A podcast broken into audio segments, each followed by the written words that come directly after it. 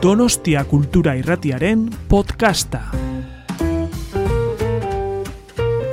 Hola, buenas tardes. Eh, muchas gracias por venir y compartir con, con, nosotros este encuentro donde vamos a charlar sobre Rostro Desnudo, un, libro precioso no solamente en el fondo sino también en, en la forma que ha editado Demi Page. Se trata de una antología preparada por otro poeta, Francisco Javier Irazoki, que recoge textos de tres libros de Juan Cruz y Gravide, que son también Las verdades mueren, Breviario perplejo y Hasta cuándo se puede tener razón. Juan Cruz y Gravide nació en Aduna en 1956, cursó estudios de magisterio y filología hispánica, se doctoró en filología vasca. Durante varios años fue profesor de primaria y de secundaria y en su última etapa laboral ha sido profesor de la Universidad del País Vasco en la especialidad de Filología Vasca. Ha dirigido la Cátedra de Artes Miquel Laboa en la citada universidad. Su obra está dirigida especialmente a la literatura infantil y juvenil, aunque también cuenta con varias obras para adultos. Ha traducido al euskera varias obras de la literatura universal y publicado historias, perdón, estudios de literatura infantil. Juan Cruz recibió tres veces el Premio de la Crítica de Poesía en Euskera y una vez el Premio Nacional de Literatura Infantil y Juvenil. Escribe tanto en euskera como en castellano, estudió en un seminario y le gusta el chocolate muy negro. Sospecho que de la mezcla de ambas cosas probablemente surja lo que él practica y denomina como una poética existencial que se pregunta por el misterio de la vida. Querido Juan Cruz, bienvenido. Este libro, entre otras muchas miradas, contiene un buen número de reflexiones sobre la espiritualidad, sobre Dios en general, también sobre otros muchos temas que iremos comentando. Hay un, tú dices, la dimensión llamada espiritual me ha acompañado a lo largo de la vida. Así que quiero que empecemos con una cuestión sencilla. ¿Qué te parece si hablamos del misterio de la vida y tus textos? Muy bien. Bueno, en primer lugar, eh, quiero agradecerte, Roberto, por todo lo que todo lo que has hecho, por la entrevista, por esta presentación con tanta generosidad.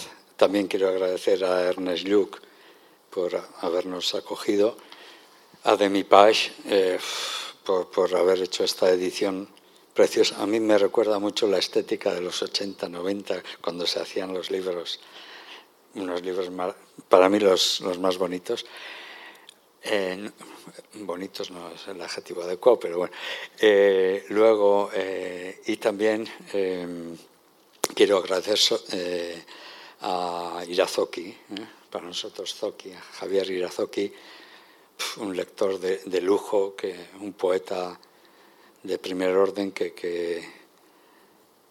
que propuso esta selección, esta antología, y me emocionó, ¿no? Su, su acogida. Bueno, entonces, eh, la dimensión espiritual, la pregunta existencial, sí, eh, yo creo que nos acompaña a todos, ¿no? Todo el mundo se pregunta por el sentido de la vida en algún momento de su vida, por lo menos. Eh, yo no sé si entré al seminario por eso, tal vez sí, porque mi planteamiento era que si soy bueno, o sea, no feliz y esas cosas, no, si soy bueno en esta vida, eh, cuando me muera iré al cielo y estaré para siempre en el cielo al lado de Dios. Entonces empezaba a imaginarme mi vida, tal, cuando fuera cura, luego viejo, luego tal, luego me moría, no me daba ni un miedo eso. Entraba en el cielo y hostia, ahora para siempre aquí feliz, pero para siempre aquí. Me entraba un mareo y una angustia. Y, entonces, una de mis primeras preguntas existenciales empezó por ahí, por esa angustia existencial que me provocaba pensar que iba a ser feliz en el cielo. De niño, bueno, pues sí. Es... Y luego, pues he seguido por ahí. Me han gustado mucho bueno, todo tipo de todo tipo de escritores, pero me han gustado mucho los, los que te llevan al lado del abismo. ¿no? En el libro reflexionas mucho sobre, sí. sobre la figura de Dios, sobre la fe, etc. Por ejemplo, tienes un aforismo que dice, el ateo que odia a Dios ofrece una prueba de su existencia. Y luego tienes otro que dice, la fe es un acto de angustia. Mm. Sí, bueno, son aforismos difíciles de explicar, ¿no? Normalmente, el aforismo no hay que explicarlo. Por eso, eh, me voy por otro lado. Eh, la figura de Dios, si uno, bueno, nosotros, nuestra generación, en su, en gran parte, por lo menos, ha estado eh, un poco, bueno, amenazada o protegida, según qué caso, por la figura de Dios a través de la religión. Nosotros hemos crecido así. Algunos luego nos convertimos en materialistas y ateos y tal, en una etapa de nuestra vida. Pasé por ahí. Eh, yo me acuerdo que, que, con 15 años sí hice esta reflexión. Eh, ahora la cosa está muy jodida Estábamos en plena dictadura, hay que luchar.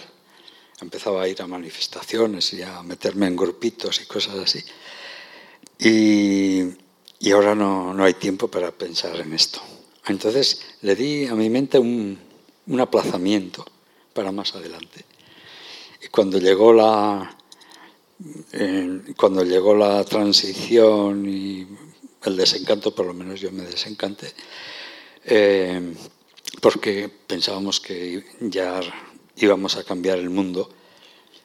Eh, la situación era pre-revolucionaria y tal, entonces pues ya venía el cambio y resulta que no vino el cambio que nosotros pensábamos. Luego piensas y sí que cambiaron muchas cosas, muchísimas, pero no las que no de la manera que nosotros soñábamos, Entonces, en ese desencanto volví después de un una crisis profunda de un par de años eh, de mucho escepticismo, volví a esto, pero claro, ya con otra mirada. ¿no? Eh, hablemos un poco de tu encuentro literario con, con el aforismo.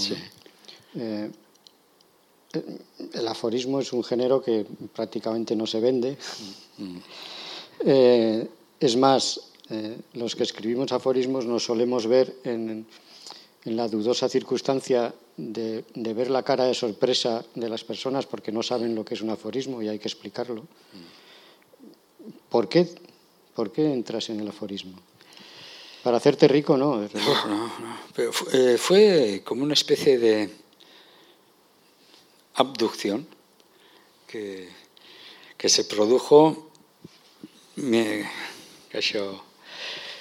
que se produjo eh, cuando entré en la universidad a los 36 años creo que tenía. Y empecé a, bueno, entré en filología vasca, pero daba clases aquí en enfermería. Entonces, pues estaba todo por hacer, hicimos un diccionario de enfermería y también pues me propusieron eh, de Luyar traducir al euskera los aforismos de Hipócrates.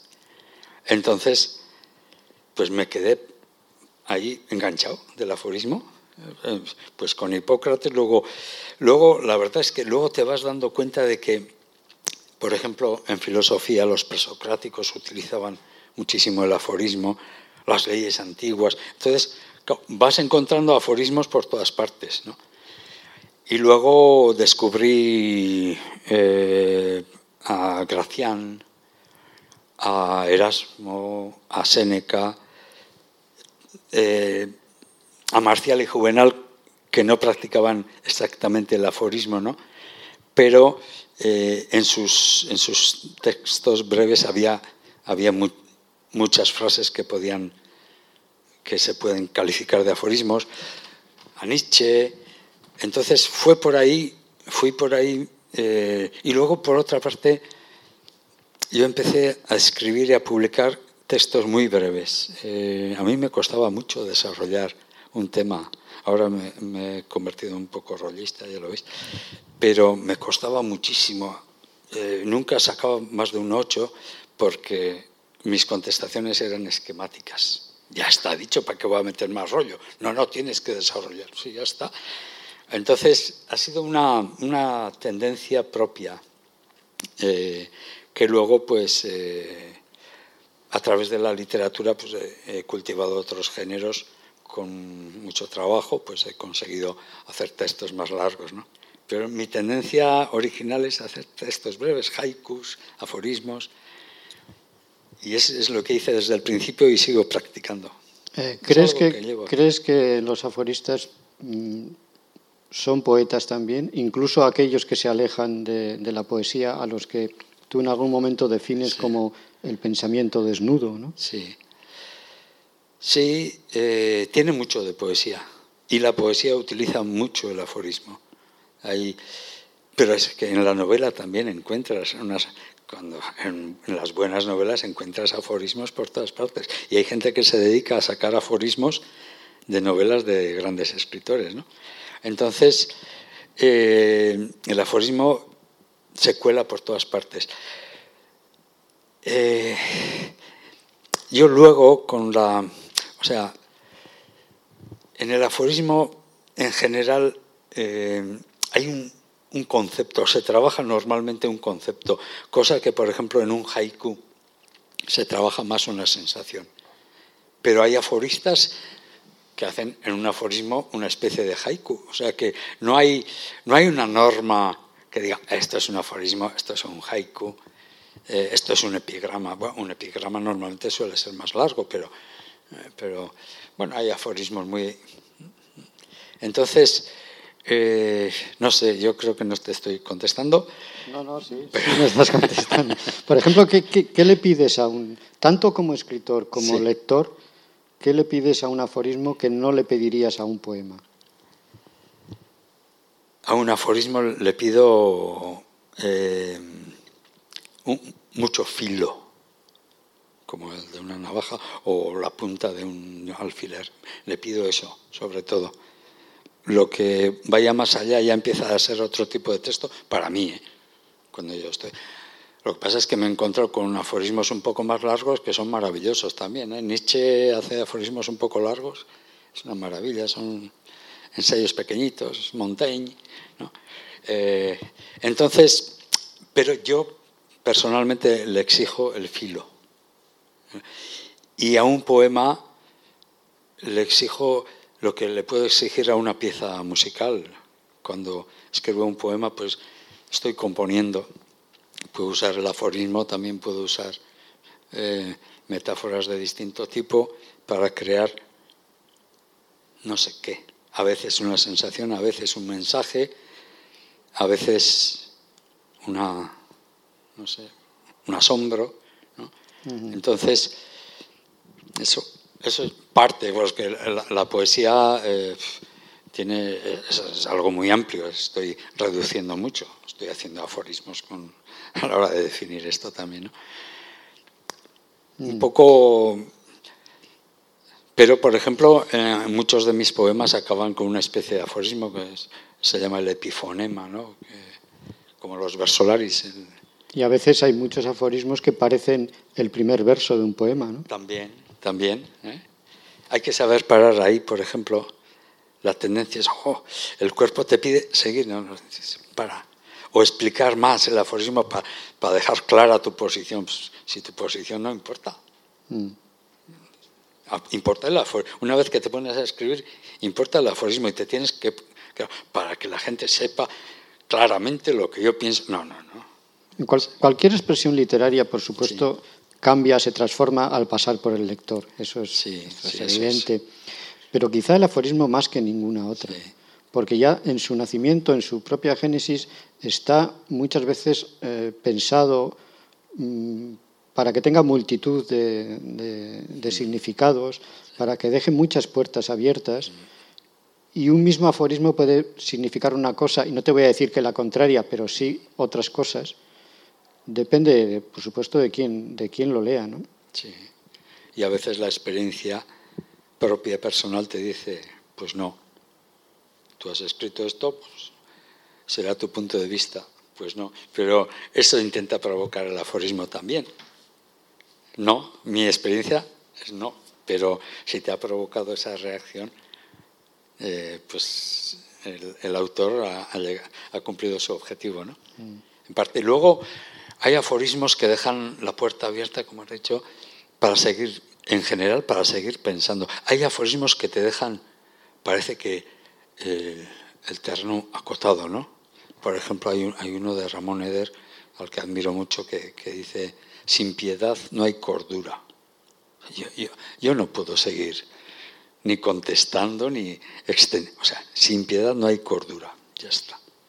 Tenemos el conflicto este último, sin piedad no hay cordura. Cualquier conflicto. Entonces, hay aforismos que, que te Y hay otros aforismos, sobre todo cuando leo a Nietzsche y, y a ciertos, a Séneca incluso, que me provocan otro aforismo porque dejan tan abierto el, el campo, pues dices, joder, me sale otro, ¿no? A veces incluso con un desarrollo... Los aforistas, los aforistas somos bastante ladronzuelos. Sí, sí. Hay que reconocerlo. Sí, sí, sí, porque es normal. Bueno, eh, todo escritor escribe sobre algo. O sea, incluso cuando crees que eres completamente original, tu subconsciente está lleno de, de lecturas. ¿Y no te ha pasado, Juan Cruz, que a veces te sale un aforismo tan bueno, tan bueno que dices, no es posible, esto lo ha tenido que escribir alguien antes? Sí, muchas, muchas. Y alguno me lo he encontrado por ahí. Joder, me ha copiado. Pues no, no me ha copiado, se le ha ocurrido lo mismo. Que luego piensas y, y claro, eh, pues sobre todo cuando se hacen pequeños chistes, es muy fácil que se le haya ocurrido a otro, ¿no? Claro piensa mal y acertarás, piensa mal y asestarás. Asestarás, pues se le puede ocurrir, entonces pues dos aforismos iguales, ahí va. Oye, la mayor parte de tu creación de aforismos está escrita originalmente en euskera. Sí. Y tú mismo la, has traducido al, castellano. Eh, me imagino que traducir un aforismo tiene que ser muy complicado. Bueno, traducir cualquier cosa es muy complicado, pero al ser algo mm, tan resumido, tan concentrado, donde una sola, no ya una palabra, una sola letra cambia absolutamente todo, ¿cómo es ese trabajo de traducirlo? Sí. Eh, bueno, es un trabajo no voy a decir mecánico, ah, hay, hay bastante mecánica, tienes que estar entrenado, ¿no? Eh, para traducir bien literatura hay que estar entrenado. Pero luego hay mucho de inspiración y hay aforismos que te provocan otros y entonces pues, pues no me resisto, ¿no? Por ejemplo, pues estaba hablando de Ciorán en euskera y tal, y me salió Ciorán las oscuras golondrinas. Eso no se puede poner en euskera.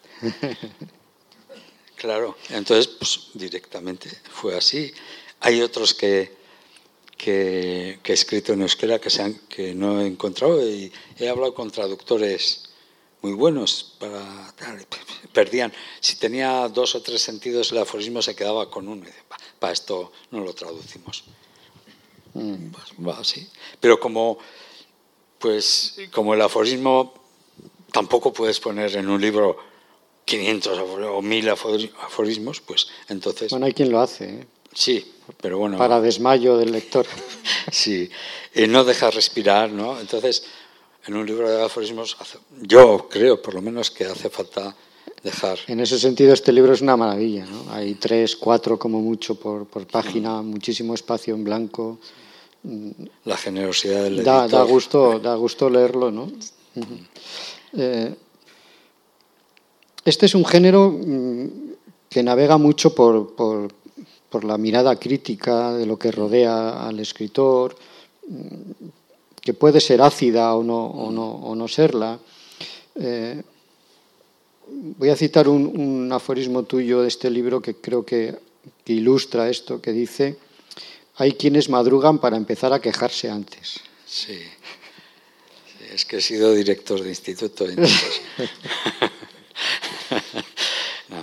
Sí, bueno, es, es, una observación sin más, que igual yo mismo he practicado eso en alguna etapa de mi vida, ¿no? Mm. Porque normalmente las cosas que ponemos ahí las, las, hemos experimentado en primera persona, ¿no? Entonces luego en un momento de la vida te das cuenta de si no estoy consiguiendo nada, mejor reírme un poco, ir con una sonrisa así.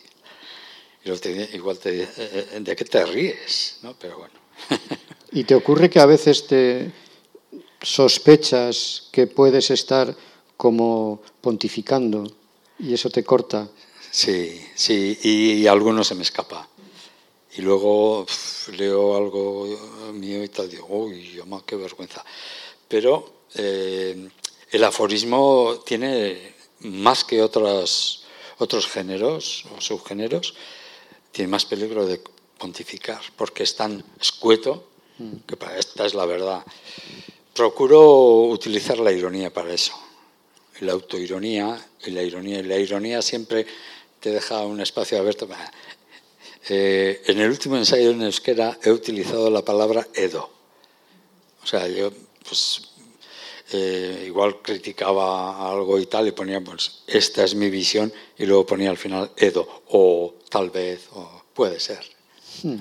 Entonces con eso, pues ironizas un poco.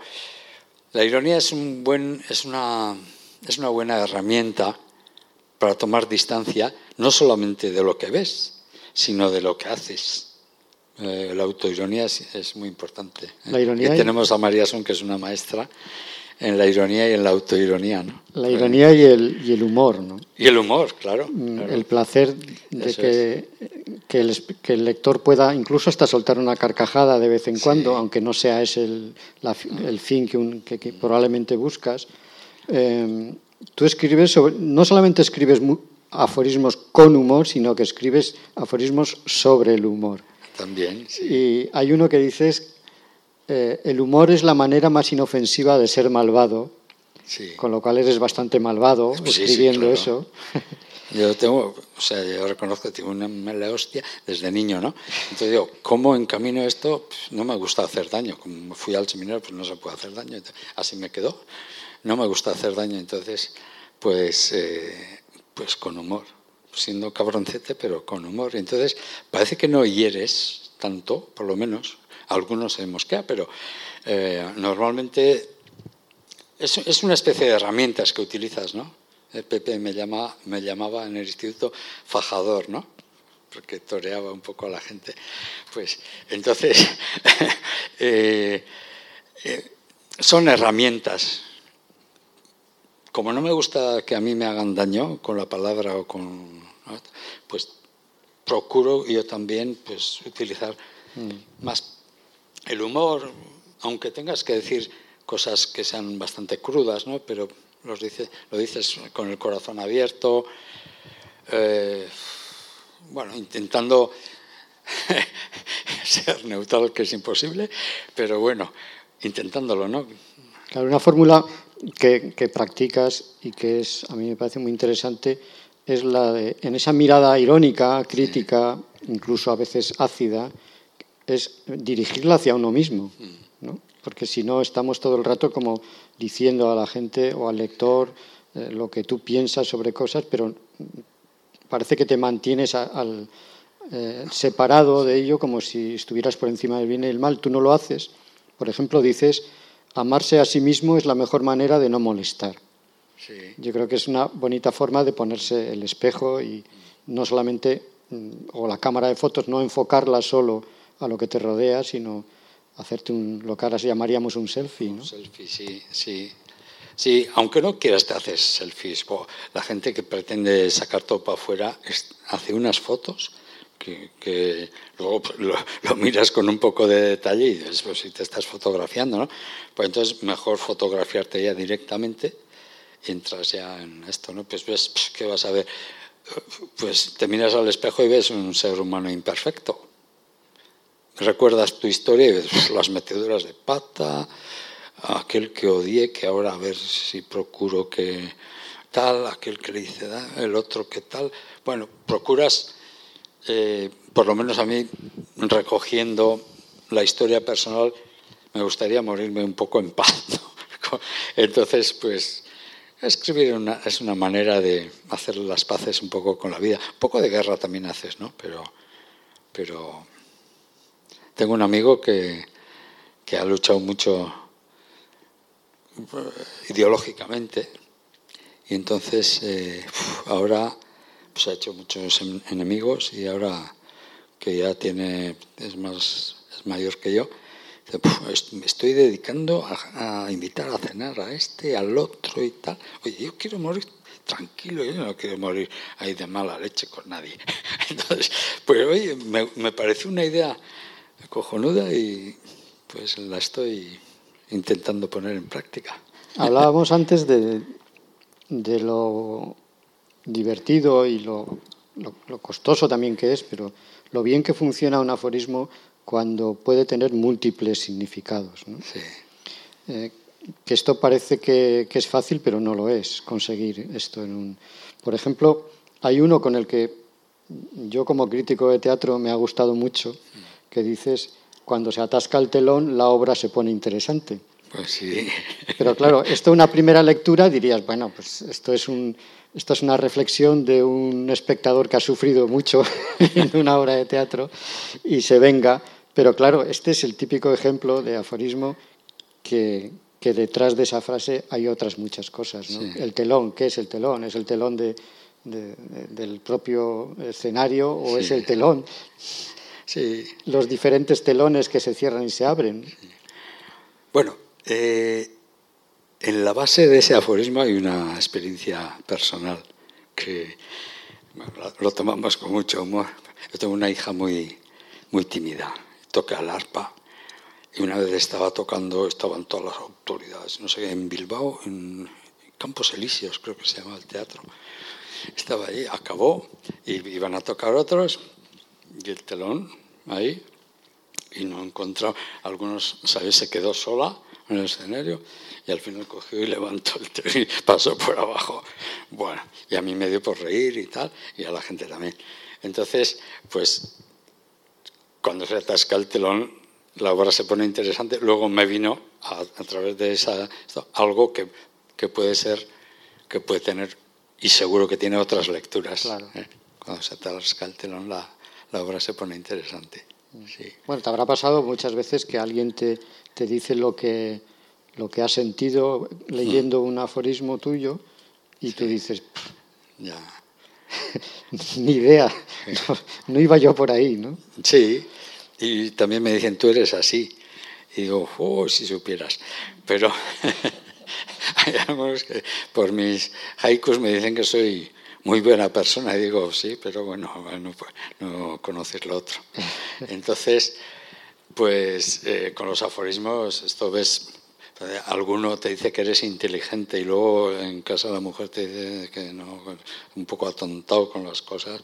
Entonces, pues solamente aparece una parte de nuestra personalidad en, en nuestras obras y hay otras que están ahí y todos somos o sea, torpes eh, y humanos y, y, de vez en cuando pues acertamos en algunas cosas. Y nos hacen un libro que dicen que hemos acertado, porque luego ya se verá. bueno. Hablemos del libro en general. ¿Qué, significa para ti esta, esta eh, antología? Me comentabas en, la entrevista que yo te preguntaba, ¿no? ¿Te, has sentido un lector ajeno de tu propia obra, puesto que ha sido otra persona la que ha hecho la selección entre todos tus aforismos. Eh, y tú me decías un poco que sí. ¿no? Sí, sí, sí. Sí, en primer lugar porque con los años te olvidas de lo que has escrito. A mí me pasa por lo menos. Yo me olvido. Hasta de títulos, me olvido, me, ha solido pasar en alguna entrevista de la radio, que no me acordaba del título, y dando vueltas y tal, para no, para, haciendo paráfrasis, que no me venía el título de mi propia obra, ¿no?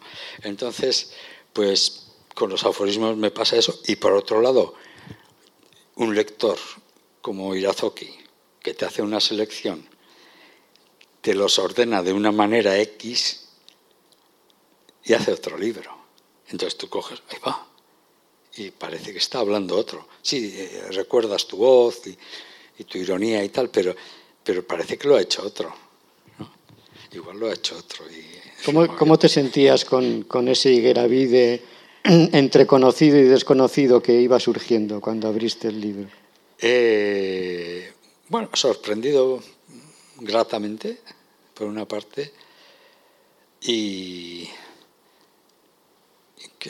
y, un poco incrédulo también porque, claro, quitando lo otro, aquí queda, ¿entiendes? Eh, cuando coges lo, lo mejor, eh, según un lector tan cualificado como eh, Irazoki, pues dices, bueno, pues vale, estoy encantado. ¿Qué pasa? ¿Que sospechas que lo que no está aquí no valía tanto? bueno, puedes. Bueno, eso te queda siempre. Sí. Sí, hombre, claro que sí. Bueno, va a hacer y, la antología 2 entonces, ¿o qué? No, yo no tengo así demasiadas... Bueno, si vienen las cosas me abro, pero no, no fuerzo nada ni, tengo... Pero... Además, repetir antología no sería... ¿Tú crees? No, era una cuando broma. me muera, o sea, que Era una broma. Eh, ¿Tú crees que sí representa muy bien sí. este libro tu, tu Sí, obra sí, de aforística? ¿no? Sí, sobre todo la, la última etapa. Sí. eh, sí. Aunque hay aforismos de la primera etapa aquí, Mm. pero muy seleccionados, entonces eh, sí, sí me veo en ese aspecto representado. Cambiando de tema, hay otro, otra frase tuya que dice, eh, para ser feliz hay que llamar felicidad a infinidad de cosas. Sí. Me gustaría que nos hablaras un poco qué es para ti la felicidad. ¿Es una, uto- una utopía? ¿Es una trampa? ¿Es una meta? ¿Es un propósito que se nos escapa? Para mí no es un objetivo de la vida, para mí. Eh, por, por ejemplo, un objetivo anterior a la felicidad es la justicia, la supervivencia. La felicidad es un estado que he experimentado en algunos momentos de mi vida, es maravilloso, y, pero no está siempre, porque basta una mala hostia o una caída o esto y ya no estás tan feliz. Por- hombre, te puedes autoengañar. Entonces, la felicidad sí es, es un esta- incluso una herramienta que puedes utilizar. O sea, tú puedes hacer cosas para sentirte feliz y eso, eso ayuda mucho a, a sacarle chispa a la vida y a motivación, ¿no? ¿Eh? Te puedes tomar las cosas a la tremenda o con un poco de humor que te hace un poco más feliz. En las relaciones puedes aprender una serie, de habilidades sociales. Eh, bueno, actualmente se usan para manipular mucho las habilidades sociales, pero las puedes usar para crear un poquito de felicidad a tu alrededor. Y entonces sí.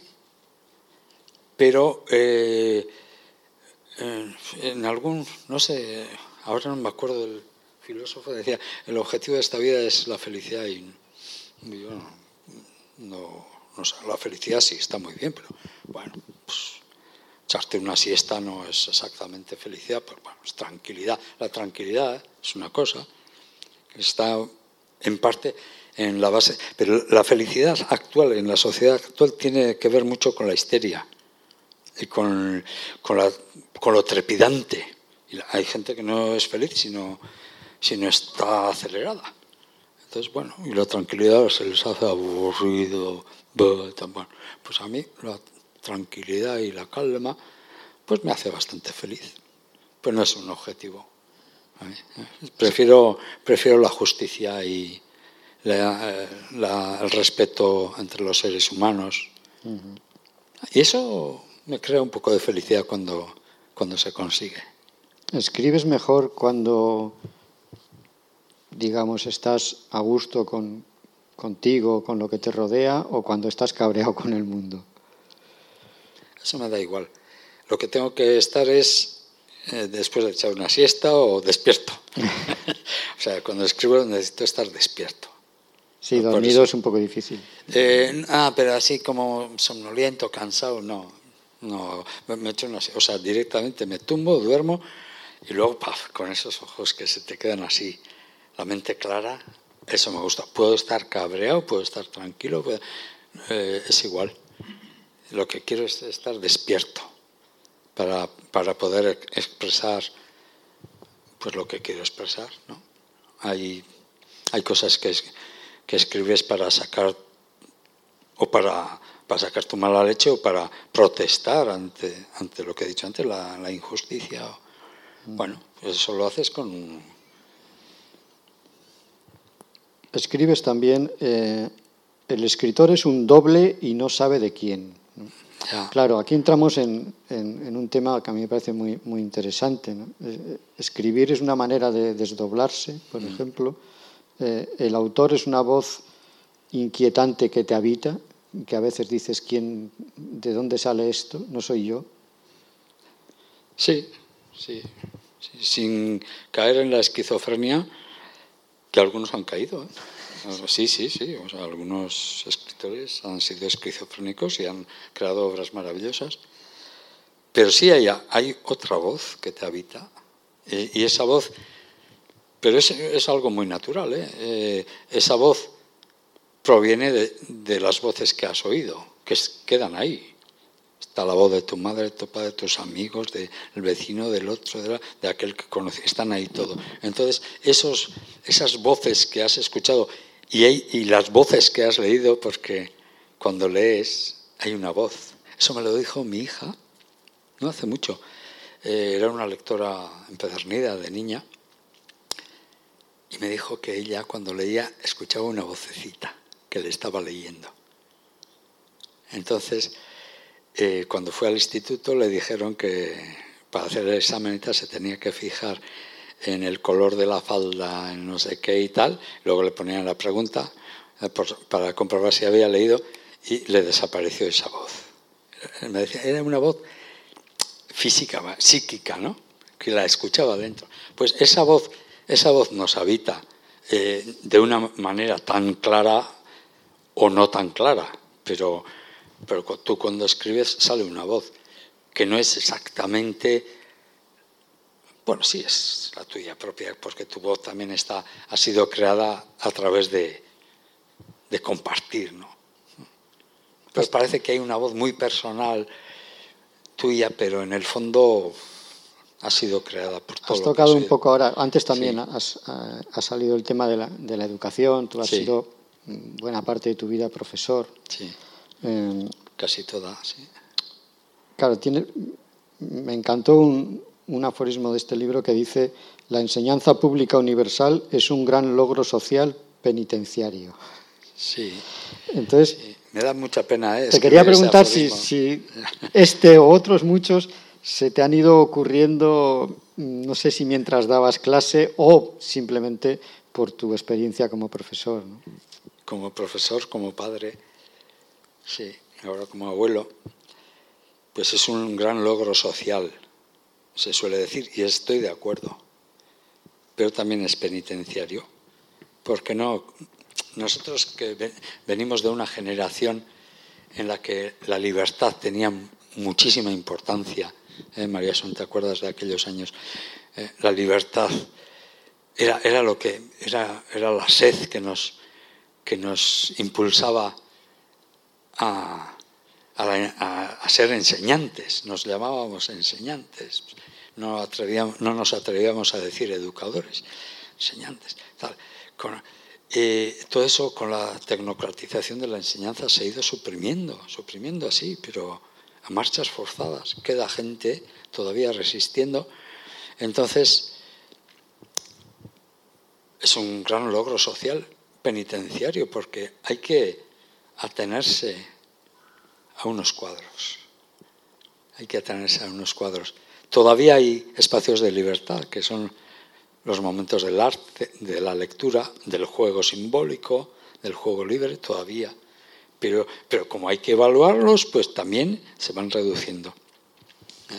Entonces, eh, pues por ahí venía. Es un gran... Y creo que es, eh, si no queremos volvernos todos locos, creo que hay que recuperar aquella locura de libertad que nos, que nos llevó a, oye, no hicimos la revolución, pero sí la hicimos, sí la hicimos. aquí. Y eso, eso tiene que volver, si no, nos, cada vez hay más eh, problemas mentales. Sí, sí, hay muchas causas, tal, pero, pero una vez que hemos conseguido que todo el mundo pueda ir a la escuela, que es maravilloso, es un gran logro, ahora hay que despenitenciarizar.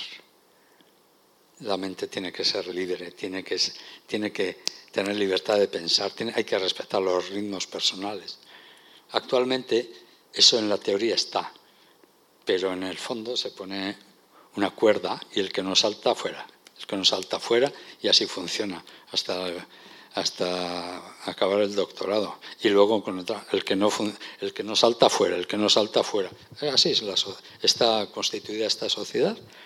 Entonces pues a lo más alto llegan unos cuantos que normalmente no son los que más saltan sino los que mm, igual a muchos pasan por abajo porque tienen tac tac la mayoría y así está constituido.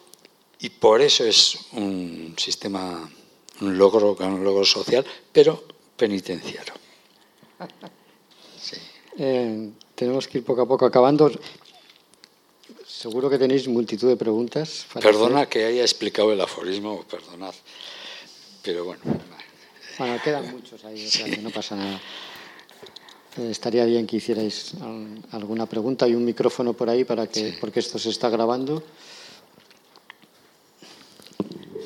Bueno, Cabo Juan Cruz y compañía.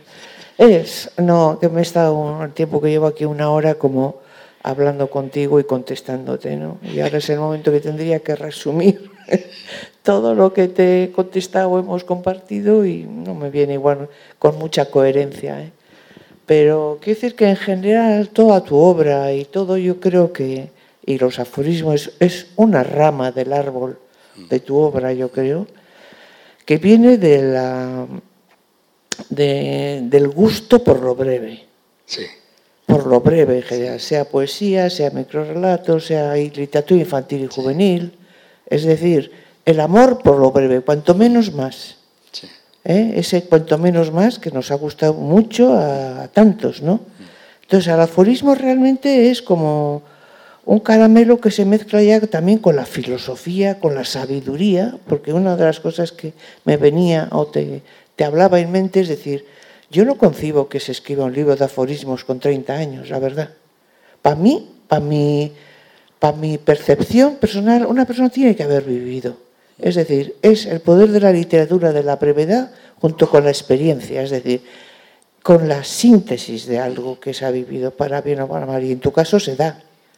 Se da. Es decir, los eh, aforismos que hemos oído aquí y otros que tienes es que es arte arte literario en el sentido de cuanto menos más, pero también sabiduría, de algo que, está vivido, que está ¿eh? una mezcla, ¿me entiendes qué quiero decir? Sí, sí, sí, y además, en el aforismo también, claro, se mezcla, estaba pensando en, los, en el mundo del microrelato, para mí tan denostado hoy en día, o sea, ¿qué se ha hecho con los microrelatos? ¿Qué ha sido de... Y cuando despertó el dinosaurio estaba ahí, ¿qué ha pasado con el microrelato? Que lo dan a, concursos infantiles de microrelatos. Para mí no tiene ningún sentido. Un microrelato no tiene que ver nada eh, con, para la infancia. O sea, yo creo que hay que saber escribir o contar un cuento en la infancia. Y luego, cuando eres muy trabajado, puedes hacer micro. Bueno, eso quiere decirte que, que, es un árbol lleno de cuestiones pendientes y apasionantes todas. Y al aforismo se le añade además la filosofía, diría yo, que en tu caso se cumple se cumple plenamente, pero claro, es cuando uno lee a gusto, o Ramón Eder, que has dicho tú. Y es una maravilla porque ahí se junta pues, un, hombre bregado en cantidad de emociones, de cosas, que encima tiene el arte y los útiles literarios para expresarlo. ¿no? Aunque corre, a mi punto de vista, un riesgo que es el de la ingeniosidad, ser ingenioso.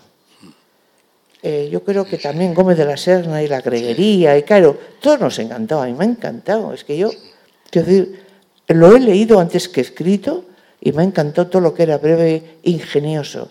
Ingenioso quedaba en el clavo a veces de todo, ¿eh? o sea, pero no siempre. Unas veces es ingenio. Entonces, esos bordes que lindan, ¿no? El aforismo, eh, bien entendido, mal entendido, Y, y bueno, me voy a callar para dar paso a otros. No, no. estás- Pero el- yo el riesgo que veo es un poco el ingenio, el ser ocurrente que diríamos, o la greguería. La greguería es una maravilla, literariamente también. Eh, los, hay ciertos microrelatos y los hiperbreves, tan de, de Latinoamérica, ¿no? que son maestros. Sí, Son una maravilla, pero roza ya también a veces la carcajada. Entonces, es, es unos territorios que andamos todo el día como, como que no- mm, rozándonos unos a otros. ¿eh? Y- pero en general, yo creo que el aforismo, la añadiría, yo que a todo eso hay que añadirle realmente eh, filosofía. Es decir, filosofía o eh, un sentido moral o de, lo que quieres decir o algo así. Sí, sí, sí, estoy de acuerdo. Sí. Eh, lo ingenioso, pues eh, es, eso es como una especie de auto, eh, como diré yo, como una, especie de soberbia, ¿no? Porque, joder, te ha salido una frase ingeniosa, ¿no? Y a veces, yo alguna vez he caído ¿eh? ahí, sobre todo en mi primera, en mi primera, en mi primer libro, por ejemplo, pues, por ejemplo, cuando decía eh, obispo enardecido a las almas. Vale, ahora no escribiría eso, ¿no? No deja de ser un, un chiste, eh, puede ser ingenioso, eh, pero sí, últimamente estoy en esa línea de y Eder me ha enseñado mucho y luego los filósofos, claro, Seneca y Seneca es una maravilla, ¿no? De, de Marco Aurelio, todo es vida, todo reflexión sobre la vida. Entonces quiero seguir por ahí, con humor, si se puede. Es que, uniendo a esto, ¿eh? pero a mí me parece que se escribe demasiado. O sea, un rollo, o sea, tú al- al- coges un libro y yo el primer capítulo, el segundo, cuando no me atrape, lo dejo. Porque hay una cantidad de exceso, para mi gusto, ¿eh? Si te, tú amas la brevedad, la concisión, el humor, el subterráneo, la punta del iceberg, que le llaman al microrelato también. O sea, una novela, cuando es buena ni te enteras y te la zampas. Oye, ¿y el resto? Te envuelve. Es que el resto no hay quien aguante. Yo creo que hoy en día se llenan páginas. No sé, porque las editoriales quizá ponen también sus normas. Es que te ponen tantos y en el y Juvenil tú conoces el mundo.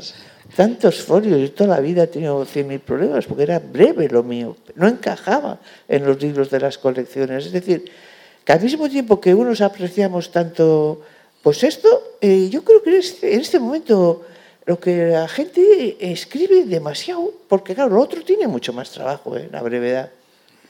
A mí me parece que es mucho más intenso el buen eh, trabajo eh, en la brevedad, es muy intenso, pero muy costoso también, ¿eh?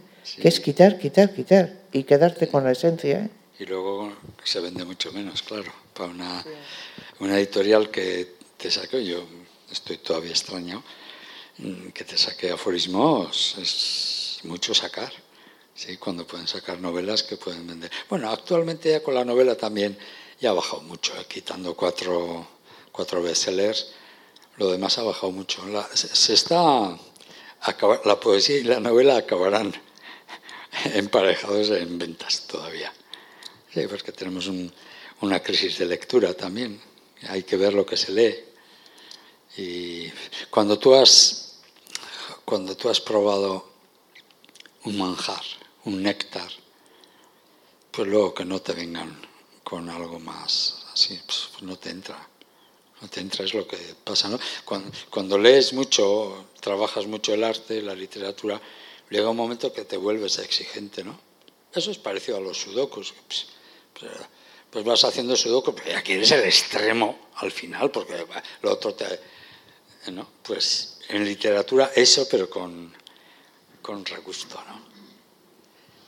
Queremos eso. Bueno, tenemos que ir acabando. No sé si tenéis alguna cosita cortita o si no ya nos, nos despedimos, que hay que cerrar el, la sala y darles una vez más las gracias a, a la Casa de Cultura de Ernest Lluch por acogernos y espero que hayáis estado a gusto y sobre todo que leáis el libro de Juan Cruz, que es lo más interesante. Muchísimas gracias.